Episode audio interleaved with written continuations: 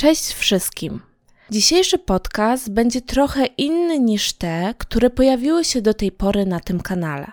Oczywiście dalej jest to historia kryminalna, jednak osób, którym zostało odebrane życie, będzie aż trzy. Sprawa ta jest bardzo brutalna, dlatego też w niektórych źródłach została określona jako najbardziej wstrząsająca historia kryminalna Szczecina. Zapraszam Was dziś na opowieść o morderstwie, które według zabójcy miało być zbrodnią doskonałą.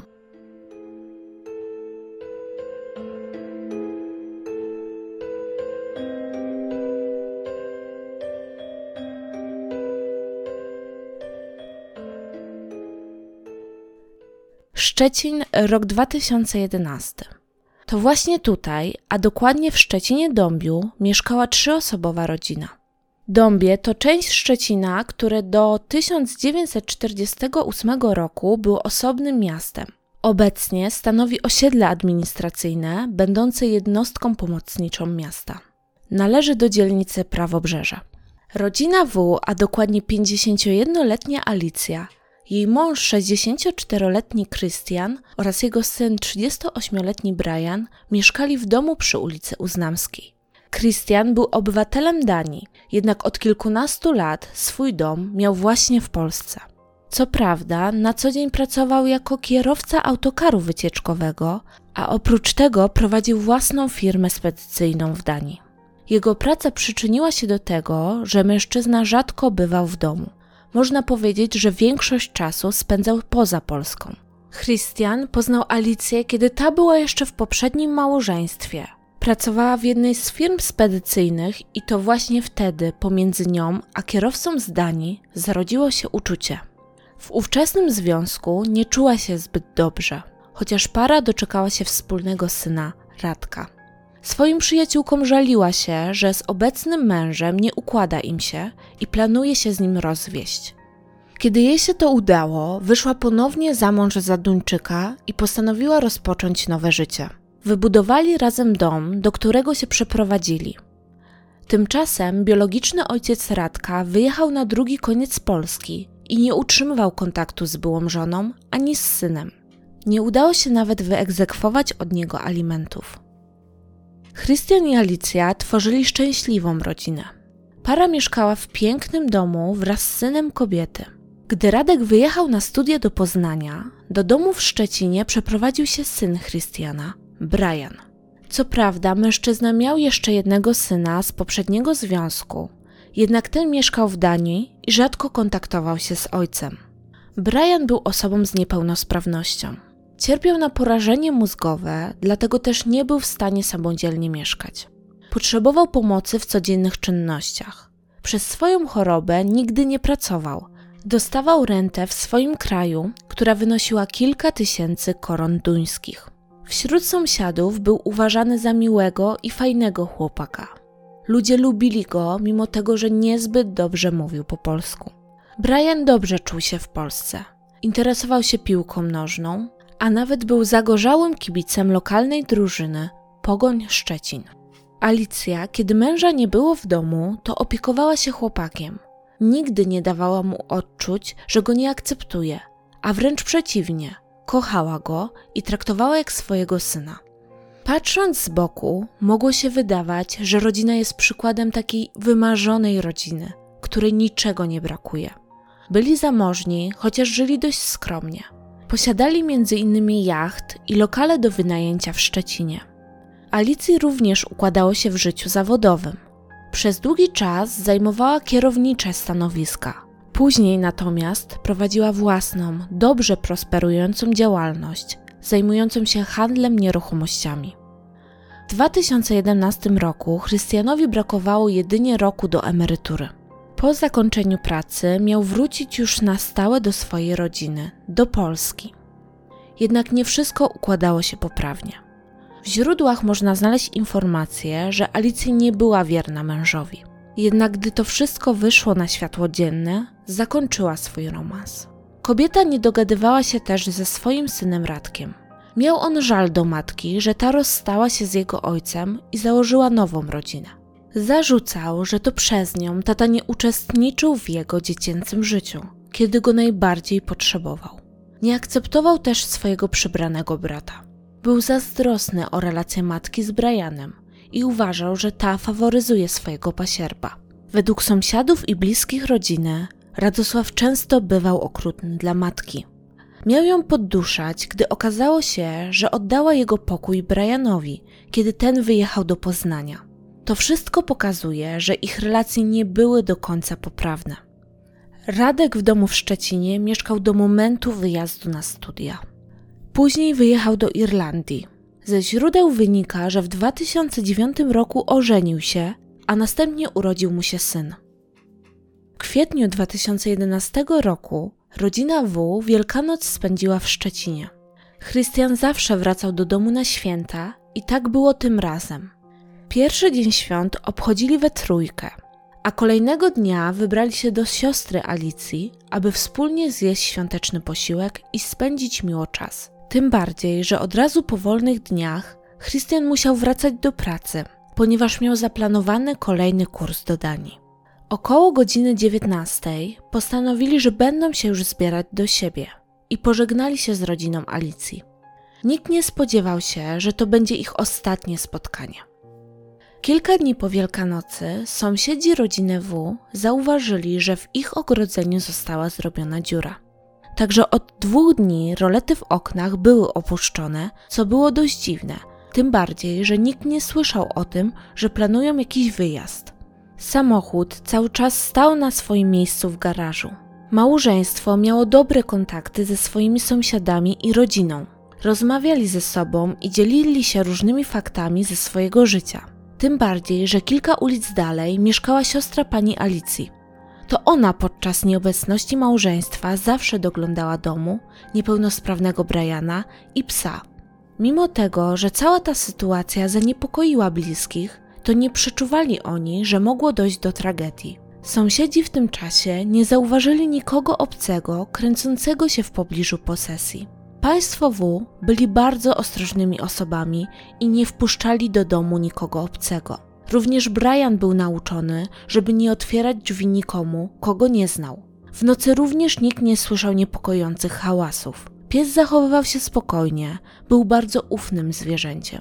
Co prawda, dwie kobiety mieszkające po sąsiedzku zauważyły, że pies biegał samotnie po ulicy. Chciały poinformować o tym Alicję i Christiana, jednak gdy zapukały do drzwi, nikt im ich nie otworzył. Brak kontaktu oraz alarmujące sygnały sprawiły, że siostra pani Alicji postanowiła sprawdzić, co się wydarzyło. Wraz ze swoim synem weszła do domu przez otwarte drzwi od tarasu. Chłopak w budynku odkrył ciała swoich krewnych. Kobieta była tak przerażona tym, że nie weszła w głąb domu, tylko od razu zadzwoniła po policję i karetkę.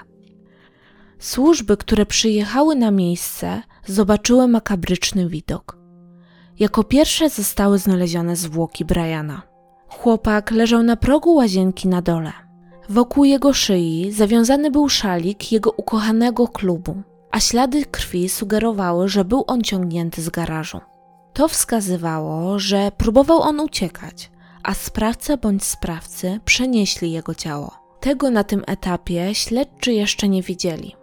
Natomiast ciała Alicji i Christiana znajdowały się na piętrze.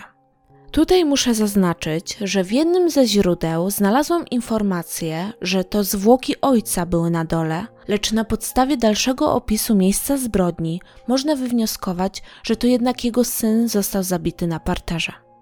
Napastnik zadał całej trójce wiele ciosów maczetą w głowę oraz klatkę piersiową. Kobieta broniła się jak mogła i ugryzła mordercę w rękę. W salonie włączony był w dalszym ciągu telewizor, jednak policja stwierdziła, że do zbrodni musiało dojść najprawdopodobniej, gdy rodzina powoli szykowała się do snu. Zabezpieczając miejsce zbrodni, śledczy od razu zwrócili uwagę na to, że w całym domu rozlany był zużyty olej silnikowy. Ciecz znajdowała się też na meblach czy płytkach w łazience. Resztę oleju sprawca wylał do toalety, a zbiornik po substancji pozostawił w domu. Ktoś ewidentnie próbował zatrzeć jakiekolwiek ślady, utrudniając funkcjonariuszom ich zebranie. Nawet w ustach Alicji znajdował się silnie żrący kwas, aby uniemożliwić pobranie próbki DNA. Jednak mimo wszystko policji udało się zabezpieczyć materiał do badań genetycznych. Tutaj warto zaznaczyć, że do domu państwa W sprowadzone zostały wyszkolone psy, lecz nie podjęły one żadnego tropu. To utwierdziło śledczych, że osoba odpowiedzialna za to morderstwo musiała znać zwyczaje rodziny oraz fakt, że obok mieszka siostra Alicji. Najprawdopodobniej nie chciała, aby zbrodnia została od razu wykryta. Policja początkowo zakładała, że motywem tego morderstwa był rabunek. Rodzina była zamożna, często podróżowali oraz posiadali różne kosztowności. Na taki motyw mogło wskazywać to, że w mieszkaniu panował bałagan, wiele przedmiotów było porozrzucane. Wyglądało to jakby ktoś przeszukiwał różne pomieszczenia oraz rzeczy w celu znalezienia kosztowności. Przypuszczano, że właściciele mieszkania mogli nakryć złodziei na gorącym uczynku, a wtedy ci ich zaatakowali. Jednak w tej teorii wiele kwestii nie miało sensu.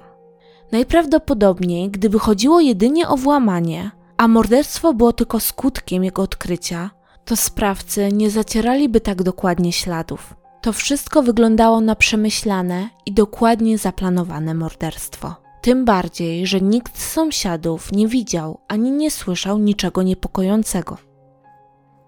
Kolejną sprawą, która zastanawiała śledczych, był brak zapisu monitoringu. Kamery nie były zniszczone, a dane z nich były przesyłane na konkretny komputer. Policjanci sprawdzili, że dysk twardy, na którym powinny być nagrania, został uszkodzony. To również utwierdziło funkcjonariuszy, że sprawca musiał dokładnie wiedzieć, na którym urządzeniu zapis będzie się znajdować. Dodatkowo, aby trwale i nieodwracalnie usunąć go, potrzeba mieć pewną wiedzę oraz narzędzia. To nie jest takie proste. Oczywiście plik nie jest trudno usunąć, ale żeby to zrobić tak, aby wykwalifikowani specjaliści nie dali rady go przywrócić, konieczna jest bardziej zaawansowana wiedza. Po przeanalizowaniu dowodów, policja odrzuciła przytoczoną przeze mnie teorię o przypadkowym włamaniu. Nigdy wcześniej nie doszło do żadnego napadu, choć zdarzało się, że dom stał pusty i był w nim jedynie niepełnosprawny Brian. Świadkowie potwierdzali też, że małżeństwo nie miało wrogów i byli spokojną i bezkonfliktową rodziną. Dodatkowo pies nie zareagował, więc według wszystkich musiał być to ktoś, kogo znał. Policjanci dość szybko wpadli na to, kto może być odpowiedzialny za makabryczną zbrodnię. Tak jak wcześniej wspomniałam, Alicja W. miała syna z poprzedniego małżeństwa. Śledczy na jego trop wpadli po tym, jak nie pojawił się on na pogrzebie własnej matki. Co prawda wiedzieli, że nie miał on najlepszych kontaktów ze swoją rodziną oraz przebywał za granicą, jednak policji wydało się dziwne, że mimo wszystko nie przyjechał na jej pogrzeb. Tym bardziej, że zamiast tego zadzwonił do znajomej kobiety i poprosił, żeby odebrała ona jego żonę z lotniska. Zapowiedział też, że nie zjawi się, bo nie ma na to głowy. Dodatkowo zaraz po pochówku starał się przejąć majątek swojej matki. Tym wszystkim pomagała mu żona, która posługiwała się fałszywymi dokumentami. Tutaj wspomnę, że kobieta za to przestępstwo w późniejszym czasie dostała wyrok. Dodatkowo Radosław jakiś czas wcześniej prowadził własną firmę komputerową i znał się na różnych sprzętach oraz oprogramowaniach. Śledczy postanowili wydać nakaz aresztowania mężczyzny.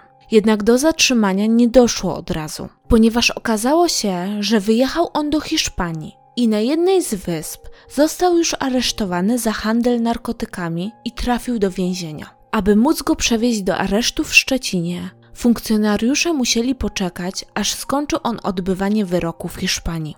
Stało się to dopiero we wrześniu 2014 roku, czyli ponad 3 lata od zbrodni. Na początku października 2014 roku Radosław W. usłyszał łącznie sześć zarzutów. Trzy dotyczące zabójstwa ze szczególnym okrucieństwem. Natomiast pozostałe zarzuty dotyczyły nielegalnego posiadania broni, udzielania narkotyków innej osobie oraz prowadzenia samochodu pod wpływem alkoholu. Tutaj nie mam informacji, na jakiej podstawie postawione zostały mu dwa ostatnie zarzuty, jednak śledczy musieli mieć na to jakieś dowody. Radosław początkowo odmówił składania zeznań. Prawdopodobnie motywem zabójstwa był majątek. Policjanci dość szybko dotarli do dwóch mężczyzn, którzy pomagali 32-latkowi zacierać ślady. Przyznali się oni do winy i złożyli obszerne wyjaśnienia. Postanowiono, że będą oni sądzeni w trakcie tego samego procesu co Radosław. Oskarżony o potrójne morderstwo nie przyznał się do winy. Akt oskarżenia został oparty o zeznania dwóch pozostałych mężczyzn oraz materiał dowodowy. Cały proces miał charakter poszlakowy, mimo iż w domu zamordowanych ujawniono wiele należących do niego śladów.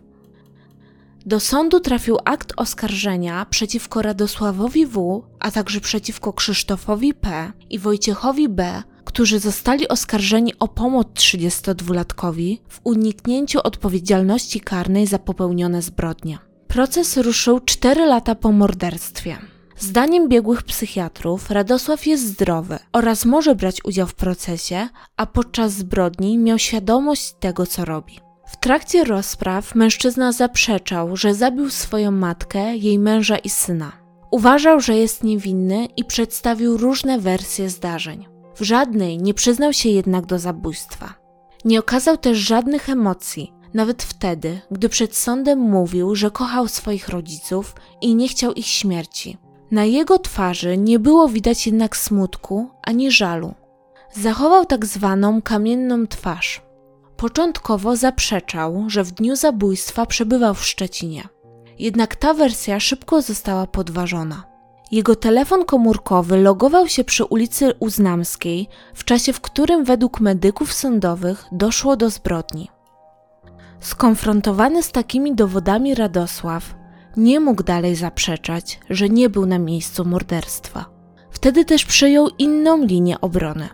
Uważał, że jego bliscy zostali zamordowani przez dwóch innych podejrzanych, którzy według planu mieli jedynie obrabować dom.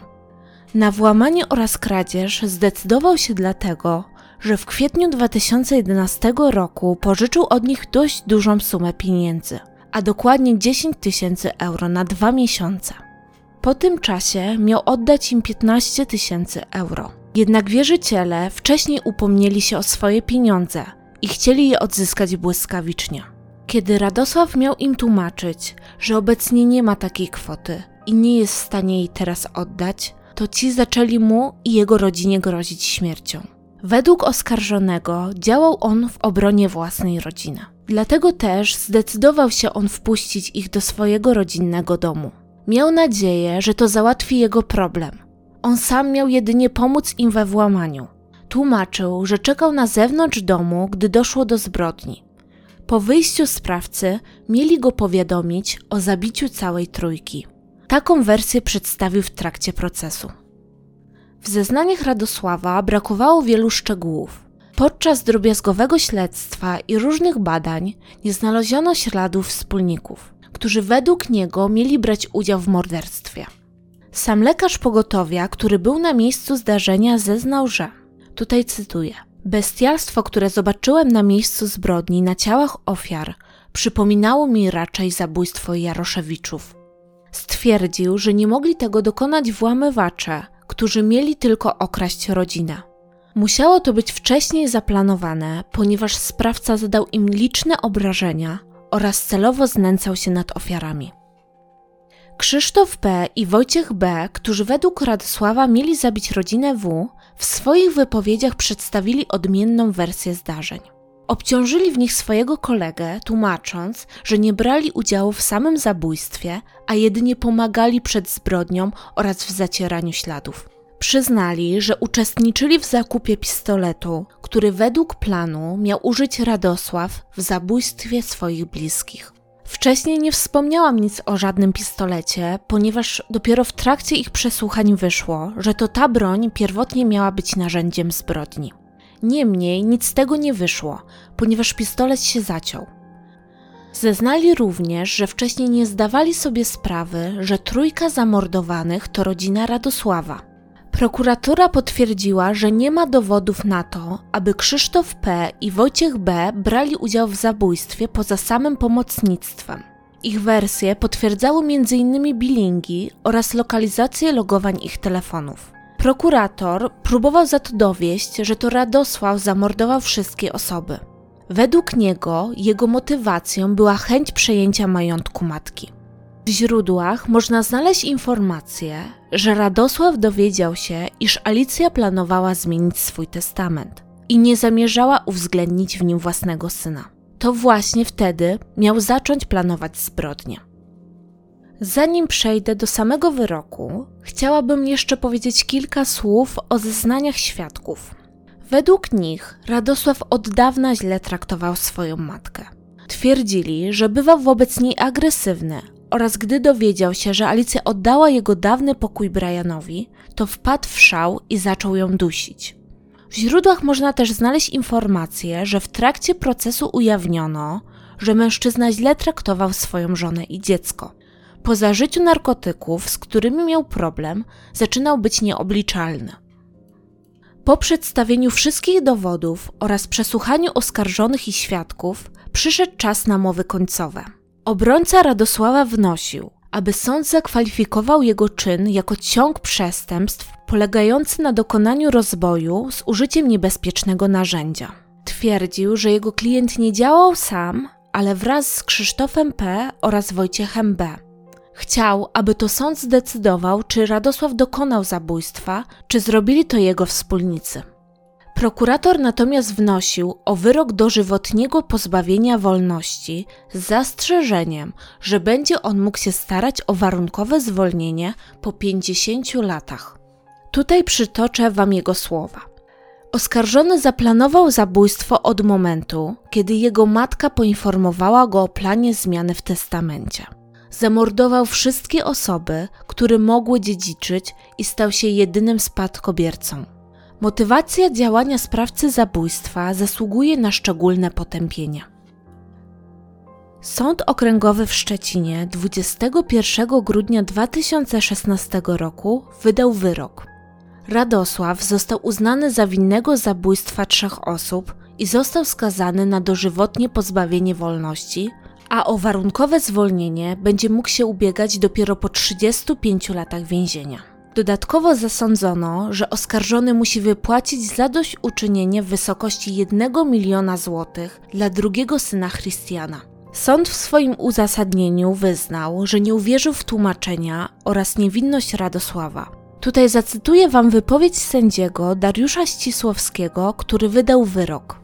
Charakter popełnionej zbrodni wskazuje niezbicie, że jest osobą wyjątkowo niebezpieczną, zdemoralizowaną i pozbawioną wszelkich hamulców moralnych. Pan nie zasługuje na to, żeby przebywać wśród społeczeństwa. Pana trzeba izolować natychmiast i na długo.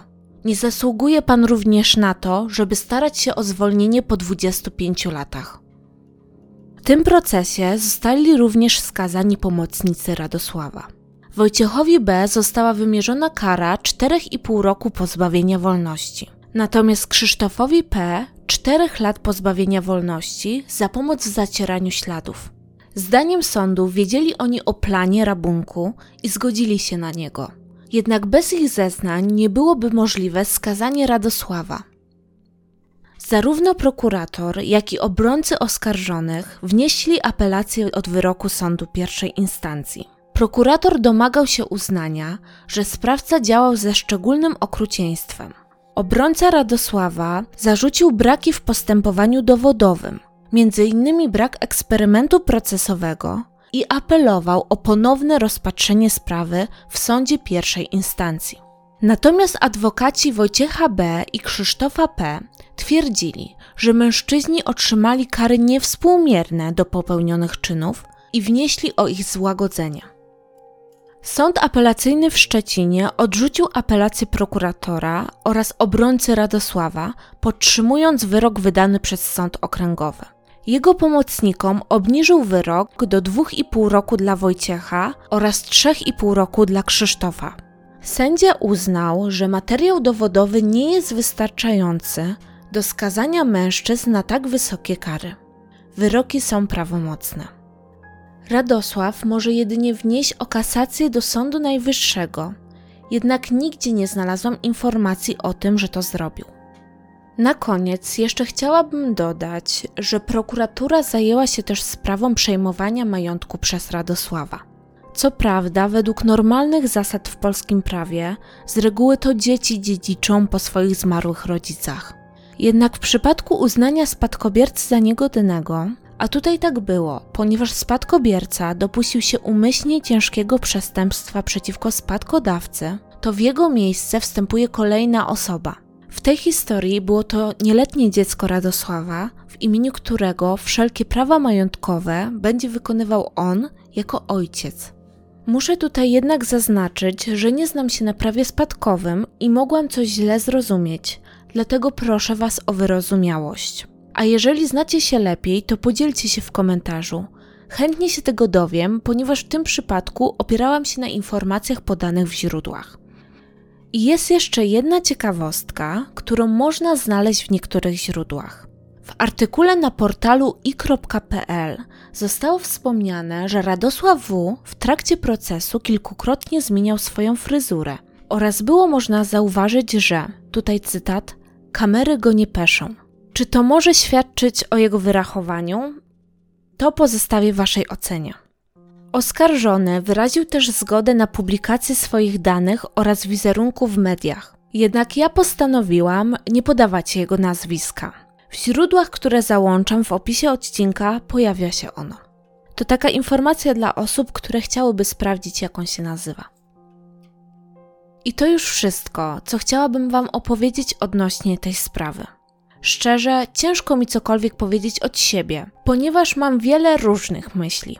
Na pewno zbrodnia ta jest bardzo dramatyczna i chwyta za serce. Niewyobrażalne jest dla mnie, jak syn mógł zaplanować morderstwo swojej matki, jej partnera oraz przybranego brata, tylko dlatego, że chciał przejąć ich majątek. Nie wierzę też w jego tłumaczenia i uważam, że sąd wydał odpowiedni wyrok. Tutaj też chciałabym zaznaczyć, że w trakcie opowiadania tej sprawy celowo na początku nie zaznaczyłam, kto jest sprawcą tej zbrodni. Dlatego też powiedziałam sprawca czy sprawcy. Nie chciałam sugerować, ile osób było odpowiedzialnych za to morderstwo oraz jakiej byli oni płci. Zależało mi na zachowaniu pewnej chronologii. Dlatego też najpierw przedstawiłam kilka faktów o rodzinie W, Później nakreśliłam miejsce zbrodni oraz pierwsze założenia funkcjonariuszy, a dopiero na końcu opisałam dalsze śledztwo, proces oraz oskarżonych. Mam nadzieję, że było to dla Was jasne i zrozumiałe.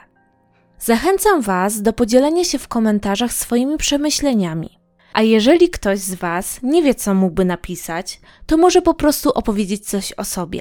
Z chęcią dowiem się coś o moich słuchaczach. Na przykład, jak macie na imię, skąd jesteście, czy też jakie sprawy są dla Was najbardziej wstrząsające. Z góry dziękuję za wszystkie komentarze. I tym akcentem kończę dzisiejszy odcinek. Trzymajcie się i do usłyszenia. Cześć!